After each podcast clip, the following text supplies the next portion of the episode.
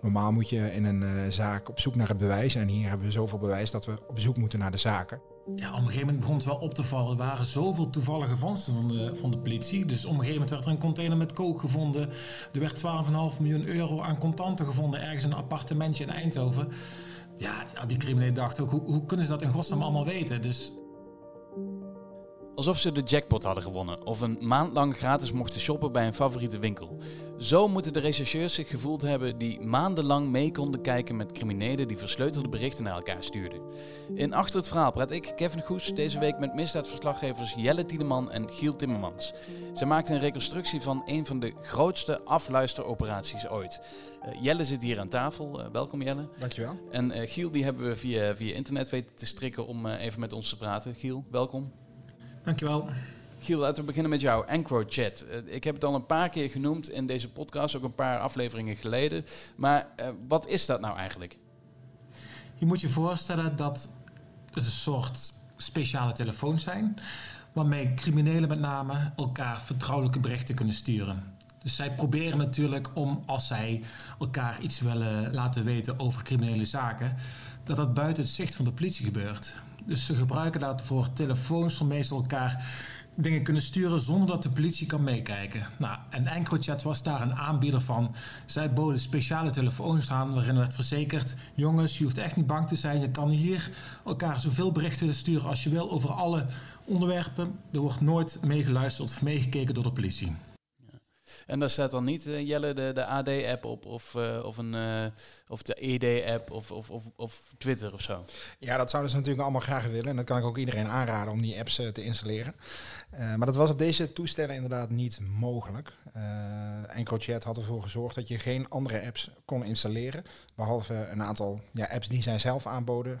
dus zeg maar daadwerkelijk de EncroChat, de chat-applicatie, EncroNotes, een, een, een, ja, programmaatje waarmee je allerlei notities kan maken. Een, een camera zit erop en uh, uh, een, uh, een, applicatie waarmee je ja, kan bellen. en dat gaat dan ook versleuteld.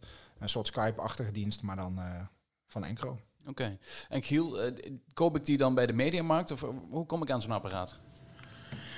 Nee, die koop je niet bij de mediamarkt. Uh, dat zijn speciale zaakjes waar je, ja, waar je moet zijn. En dat, dat krijg je eigenlijk via via te horen. Dat zijn vaak een beetje van die dubieuzere telefoon, reparatiewinkeltjes of iets dergelijks. Maar we vonden bijvoorbeeld ook een, eh, een grow shop, een spice shop, een tabakzaak, een audiozaak. Uh, het zijn echt specifieke adresjes waar een beetje onder de toonbank vandaan dit soort telefoons worden verkocht. En ze komen alleen onder die toonbank vandaan als jij de juiste connecties hebt en weet van, uh, nou ja, de verkoper weet dat hij jou kan vertrouwen. Oh ja, oké, zo iemand kan ik wel een telefoon verkopen. Dan krijg je hem, anders kom je nooit aan zijn telefoon. Ja, en je moet aardig wat euro's meenemen daarvoor, toch? Ja, het zijn prijzige apparaten, ja. Je betaalt dan minimaal 1000 euro. Dan heb je alleen nog maar een telefoon en een soort abonnement van drie maanden. Dus je drie maanden lang kan je gebruik maken van de diensten van EncroChat. Als je het langer wil, moet je nog eens extra gaan betalen. Als je bijvoorbeeld een half jaar abonnement wil, dan komt er al 500 euro uh, bovenop. En moet je je voorstellen, in Nederland hebben we ongeveer 12.000 uh, gebruikers gehad. Wereldwijd waren het er 40.000. 40.000 euro maal 1000 euro, 40.000 mensen maal 1000 euro, ja, dan heb je het over 40 miljoen. Dus gigantisch lucratief. Ja, lucratief zaakje, want je waant je veilig. Maar dat is dus niet zo gebleken. Want uh, wat, wat, is daar gebeurd, Giel? Het is, het is gekraakt. Hoe is dat gegaan? Nou ja, kijk, de opsporingsdiensten wisten natuurlijk al dat dit soort telefoons werden gebruikt door criminelen. Als ze mensen oppakten, dan bleek er zo'n telefoon in hun uh, broekzak te zitten. Dus ze zijn er onderzoek naar gaan doen. Al een paar jaar geleden zijn ze daarmee gestart. Vanuit Nederland, maar ook vanuit Frankrijk. En wat bleek uiteindelijk dat de server waar EncroChat gebruik van maakt, hè, dus bijvoorbeeld een server waar wij normaal gesproken bijvoorbeeld ook onze website van de krant op laten lopen. Nou, zij hadden zo'n server nodig om EncroChat op te kunnen laten lopen. Die server die stond in Frankrijk, in Noord-Frankrijk, in een plaatsje genaamd Roubaix. Uh, nou, daar zijn de opsporingsdiensten achter gekomen. Die zijn naar Roubaix gegaan ook. De Fransen hebben het dan over. En die zijn daarin geslaagd om daar ter plekke uh, in te breken in die server. En ook digitaal, dus via internet of iets dergelijks. Hoe het dan precies is gaan, hoe dat apparaatje wat ze daarvoor gebruikt hebben, uh, hoe dat eruit zag, dat weten we niet. Want de Fransen hebben gezegd, ja, dat bombarderen we meteen tot staatsgeheim. Want ja, dat willen we natuurlijk nog veel vaker uh, gaan gebruiken. Ja, en Jelle, dan, dan krijg je dus als Nederlandse recherche krijg je een bak aan informatie. Hoe is dat gegaan? Ja, dat, dat uh, Nederland heeft ervoor gezorgd dat zij uh, op het moment dat die live fase begon, dus dat zij daadwerkelijk mee konden gaan lezen, dat er een soort koppeling was tussen de, de Franse en de Nederlandse data. Um, en op het moment dat die eerste berichten binnenkwamen lopen, ja, toen, toen ja, je kan je voorstellen dat ze daar de Polonaise hebben staan dansen. Uh, omdat ja, daar kwam zo ongelooflijk veel binnen. Uh, overigens nog wel een grappig detail, want op het moment dat daadwerkelijk uh, zeg maar de, de afluisteroperatie begon, toen kwam er niks binnen. dus ze dachten, wat is hier nou aan de hand? Nou, daar hebben ze een paar uur over zitten nadenken en zitten sleutelen. en toen vonden ze de oplossing. knopje omzetten. Het knopje omzetten. En, en toen kwam er een, ja, een tsunami aan, aan chatberichten binnengevallen. en daarna was het een kwestie van, van heel hard aan het werk. En, en ja, de verschillende disciplines uh, ja, aan het werk zetten. Want ja, je moet je voorstellen wat er dan allemaal binnenkomt. Ja, dat moet je gaan sorteren. Daar moet je een gerichte zoekactie op doen. En dat, dat, uh, dat doe je niet zomaar. Nee. Ja, wat voor zoektermen hebben we het dan over, Jelle? Ja, er werden in die computers een aantal zoektermen aangegeven om het, om het zoeken makkelijker te maken. En dan moet je denken aan, aan AK als het bijvoorbeeld gaat over wapens of klok. Uh, als het ging uh, over uh, geld, dan gaat het bijvoorbeeld over pap. Dat is een beetje de manier waarop ze erover pap spraken. papieren. Pap, ja, ja, ja. Precies, papieren, dat woord werd dan ook gebruikt. En als het dan ging over bijvoorbeeld ja, een, een, stash voor drugs, dus waar je drugs op kan slaan, lood. Dus zo heb je allemaal van dat soort, van dat soort woorden. Laten slapen is natuurlijk ook iets wat vaak wordt gebruikt als het gaat om ja, mensen liquideren. Dus allemaal van dat soort, ja, soort van straattaalachtige woorden die, die gebruikt worden. Daar werd dan op gezocht, daar werd een beetje op gefilterd. Omdat ja, dat waren de, de belangrijkste berichten waar ze dan echt uh, naar op zoek waren. Ja, zeker de, de levensbedreigende berichten, die, die pakten ze als eerste aan. Hè? Ja, die kregen inderdaad uh, die kregen voorrang. Uh, omdat ja, de politie zoiets had, als wij liquidaties kunnen voorkomen, dan moeten we dat doen. Dat is belangrijk. Um, en de politie zegt ook dat ze een aantal mensen echt wel van straat hebben kunnen halen en, en mensen hebben kunnen waarschuwen. Um, maar nogmaals, dat, dat zijn zo onwijs veel berichten. Dus wat daar nog meer allemaal in heeft uh, gezeten, ja, God knows. Ja, Giel, uh, ze zijn dus begonnen met het sorteren. Um, hadden de criminelen al iets door op dat moment? We weten natuurlijk niet precies, maar wat we dan vanuit opsporingsdiensten horen... Ja, op een gegeven moment begon het wel op te vallen. Er waren zoveel toevallige vondsten van de, van de politie. Dus op een gegeven moment werd er een container met kook gevonden. Er werd 12,5 miljoen euro aan contanten gevonden ergens in een appartementje in Eindhoven ja, die criminelen dachten ook, hoe, hoe, kunnen ze dat in godsnaam allemaal weten? Dus je zag op een gegeven moment dat het gebruik van die telefoons van EncroChat wel een beetje afnam. Maar toch was nog niet iedereen echt wakker. Want ze hebben zelfs nog nadat bekend werd dat de politie mee kon kijken, werd EncroChat zelfs, nog, steeds gebruikt. Dus het heeft heel lang geduurd voordat de criminelen echt, uh, echt iets door hadden. Ondertussen waren ze gewoon heel vrijelijk met elkaar aan het praten over van alles en nog wat. En heel specifiek. En de politie kon alles meelezen. Hoe zit het nu? Is, bestaat het bedrijf nog, EncroChat? Nou, ik weet wel dat er denk ik heel veel in het kanaal liggen op dit moment van die telefoons. Die zijn denk ik allemaal weggegooid. Of het nog officieel bestaat, geen idee, maar ik, ik, kan me niet voorstellen dat het nog wordt gebruikt. Nou ja, EncroChat heeft zelf op een gegeven moment ook een bericht uitgegeven hè, naar, naar al haar gebruikers. Uh, dat, nou ja, dat het verstandig was om de toestellen weg te gooien en al je data te wissen. Omdat zij er zelf achter waren gekomen dat er een, uh, ja, een overheidsdienst had ingebroken. Um, vanaf dat moment zie je dus inderdaad dat het gebruik echt drastisch afneemt, maar nog steeds niet helemaal. Um, en, en niet lang daarna heeft EncroChat zelf uh, nee, dat zeg ik verkeerd. Niet lang daarna heeft de politie inderdaad bekendgemaakt op een, op een grootse persconferentie dat deze hack heeft plaatsgevonden. Oké, okay, Giel, dankjewel. Ja, Jelle, jij blijft hier nog even zitten. We hebben net Giel Timmermans gehoord. Um, ja, dit hele verhaal met die EncroChat. Eén naam waar wij het al heel vaak over gehad hebben in deze podcast, uh, Ridwan Taghi. Heeft hij hier ook weer mee te maken? Heeft hij dit ook gebruikt? Ja, het lijkt erop dat hij uh, uh, EncroChat ook heeft gebruikt, maar in een periode ver voor de periode die wij beschreven hebben in dit verhaal. Er zijn wel aanwijzingen in, in de verschillende dossiers dat hij rond 2018 inderdaad ook Encro heeft gebruikt. en later zou hij zijn overgestapt naar Sky, dat is een andere aanbieder van, van die versleutelde chatdiensten. Um, dus zoals wij nu denken te weten, zijn er geen berichten aangetroffen die nou ja, op Tachi duiden. Die berichten van Taggy, hè? want er zijn natuurlijk in het Marengo-proces zitten wel berichten van hem. Eh, Die Ja. komen dus via WhatsApp of zo? Waar Nee, dat is, dat is ge- eh, gekomen eh, via de aanbieders Enetcom en PGP Safe. Dat zijn ook twee grote ja, aanbieders van, van PGP-telefoons. Ehm, en, en die heeft de, de politie eh, ja, weten te kraken. Eh, daar is aan vooraf gegaan dat eh, men het vermoeden had dat Enetcom en PGP Safe dat dat ja, gefinancierd werd met, met crimineel geld, een witwasverdenking. Dat is voor de politie zeg maar de, de koevoet geweest om de deuren daar open te breken en de servers binnen te gaan. Ja, en op die servers stonden al die berichten versleuteld. Nou, die hebben ze weten te kraken. Ja, het gaat om miljoenen berichten, waarvan een groot aantal verstuurd lijken te zijn door, door Taghi en de Eh, nou ja, zijn advocaat zegt eh, dat dat niet zo is. Dus da- daar gaat natuurlijk dat hele Ja. Marengo-proces over. Maar het, heeft er alle schijn van dat, eh, dat Taghi die twee eh, ja, PGP-aanbieders gebruikt heeft. Ja, dit, is een soort van goudmijn hè, die de politie eh, gevonden heeft met al die chatberichten. Eh, gaan ze nou weer langzaam terug naar de ouderwetse tamtam of gewoon op, op pleintjes afspreken en daar met elkaar praten? Want je telefoon is niet meer zo veilig. Nee, ja, dat is een beetje wat we, wat we ook in dit verhaal hebben opgeschreven. Vroeger was het natuurlijk zo dat je... Ja, het is, het is van alle tijden dat criminelen Rondjes door, de Vondel, of door het Vondelpark. Ja, of door het Amsterdamse bos. Of inderdaad dat je hè, ergens eh, in een donker café eh, met elkaar afsprak. Ehm, tegenwoordig zijn we natuurlijk gewend dat je met je telefoon alles kan. En ja, je kan ook eh, met mensen die eh, niet in het land zijn eh, communiceren. Ehm, je ziet nu al dat allerlei andere aanbieders zich presenteren als niet te kraken. en in het gat proberen te stappen dat, dat EncroChat nu heeft achtergelaten. Dus je ziet inderdaad al die overstap naar, naar andere aanbieders. Ehm, ja, en wat dat betreft is het, het kat-en-muisspel tussen die aanbieders, criminelen en politie en justitie weer ja, van vooraf aan begonnen. Laten we eens even duiken in die, die grote stapel van berichten die ze gevonden hebben met EncroChat. Het gaat om miljoenen berichten die Ja. ze in drie maanden tijd eh, hebben buitgemaakt. Eh, kun je wat voorbeelden geven van, van grote zaken die hieruit voortgekomen zijn? Ja, het gaat echt om, om 20 tot 25 miljoen berichten die, eh, die zijn onderschept eh, door ongeveer 12.000 eh, Nederlandse gebruikers, waarvan de politie zegt dat zijn vrijwel allemaal eh, eh, criminelen.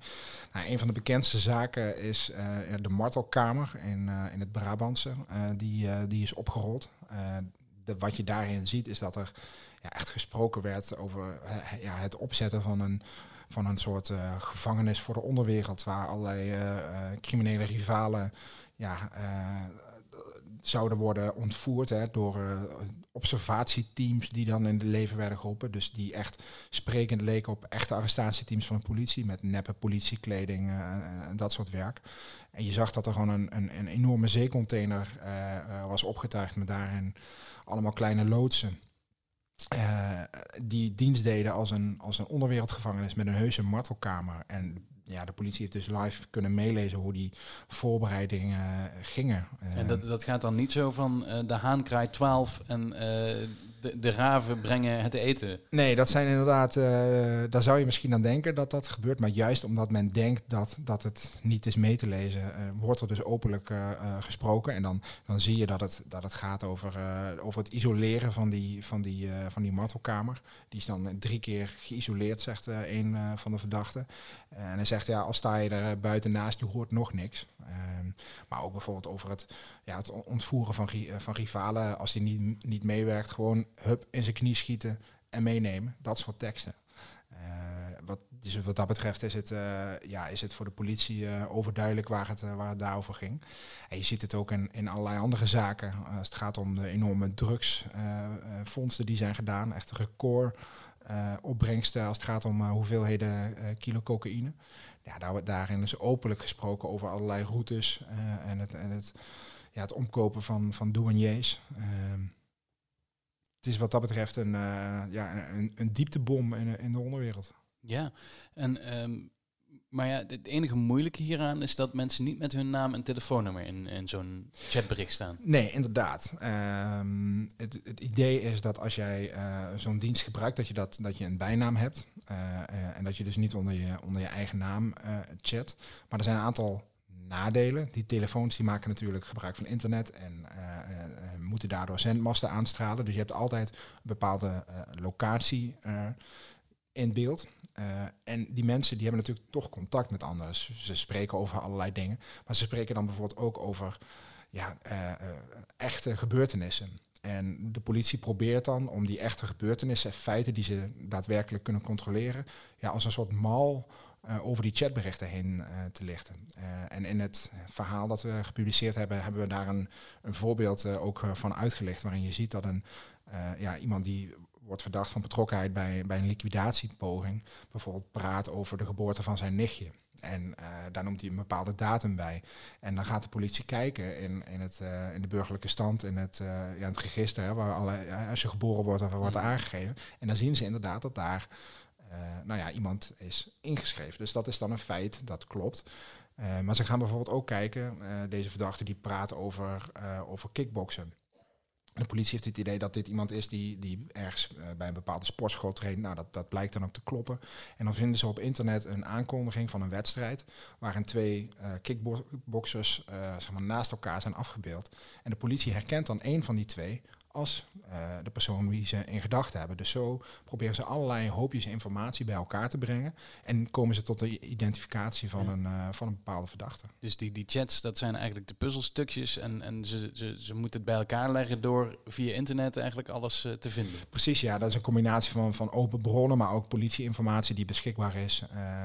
en ja, dat is natuurlijk een enorm, enorme, enorme klus om dat te doen. Zeker als je bedenkt hoeveel zaken het om gaat. Uh, de, de recherchechef en die kraag van, uh, van de politie, die heeft eerder gezegd van ja, normaal moet je in een uh, zaak op zoek naar het bewijs. En hier hebben we zoveel bewijs dat we op zoek moeten naar de zaken. Ja, dat is natuurlijk een totaal omgekeerde wereld van wat de politie gewend is. Mm -hmm. Ja, je zei op het begin, het zijn ongeveer 12.000 gebruikers, hè, bijna allemaal crimineel. waarom is het zo aantrekkelijk voor criminelen, of alleen maar voor criminelen aantrekkelijk? Nou ja, dat, dat, dat is wel dat is wel een ding, omdat jij en ik maken bijvoorbeeld allebei gebruik van WhatsApp. Dat is in wezen niets anders. Uh, ook dat maakt gebruik van, van versleutelde communicatie. Alleen wij hebben allebei uh, waarschijnlijk een telefoonabonnement dat gekoppeld is zeg maar, aan onze echte gegevens. En dat is bij, uh, bij EncroChat is dat niet.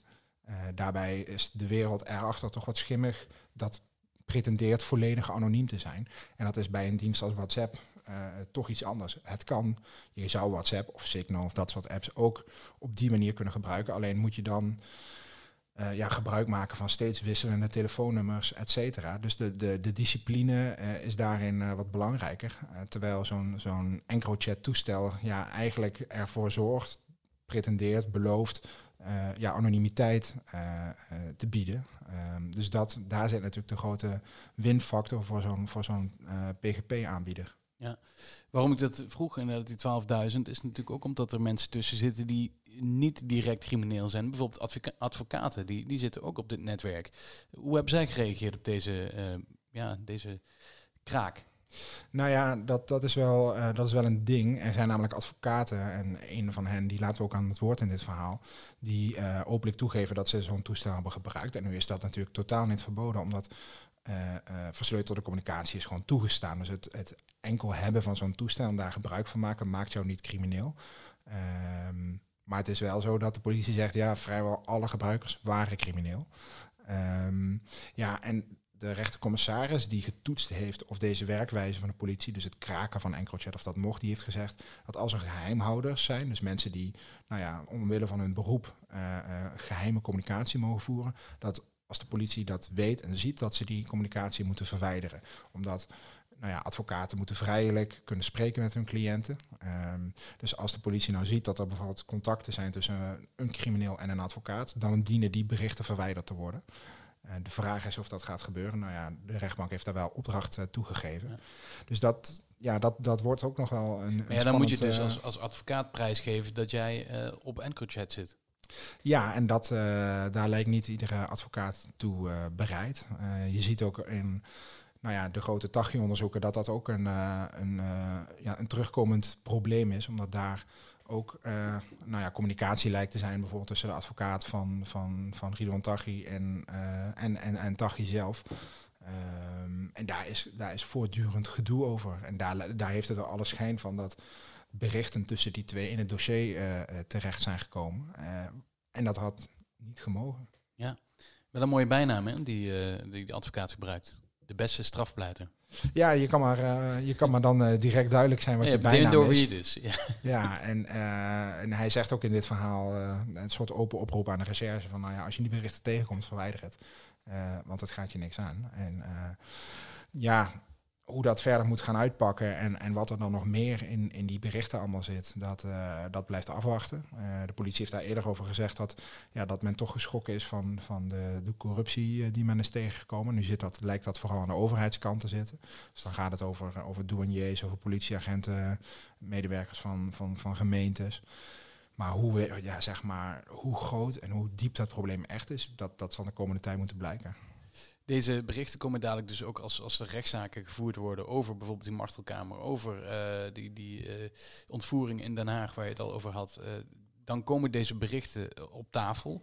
Als journalist kun je er dan ook in kijken. Vreug je je daar al op?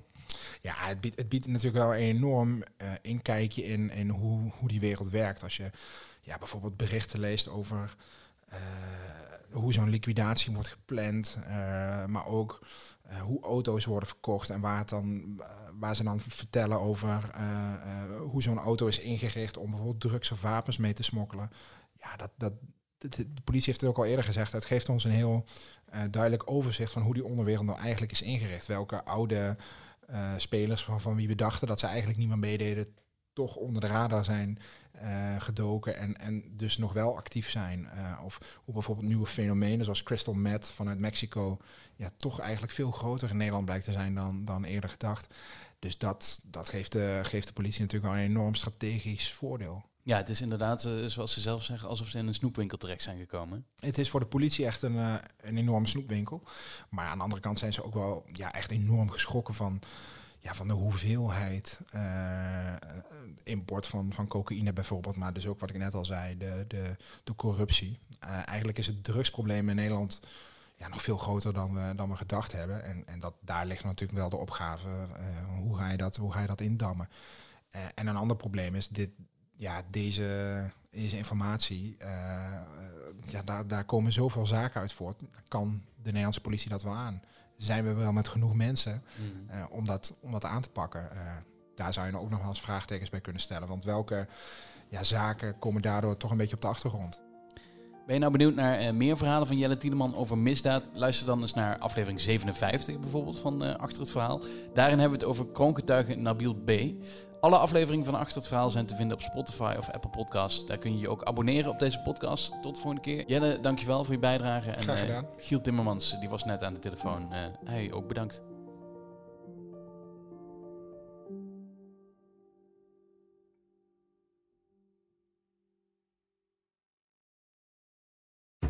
We worden dagelijks overladen met overbodige informatie. En het is moeilijk de zin van de onzin te scheiden. Daarom vertrouw ik op echte journalisten in plaats van meningen. Een krantenmens heeft het gemakkelijk. Word ook een krantenmens en lees je favoriete krant nu tot al zes weken gratis. Ga snel naar krant.nl. Bezorging stopt automatisch en op deze actie zijn actievoorwaarden van toepassing.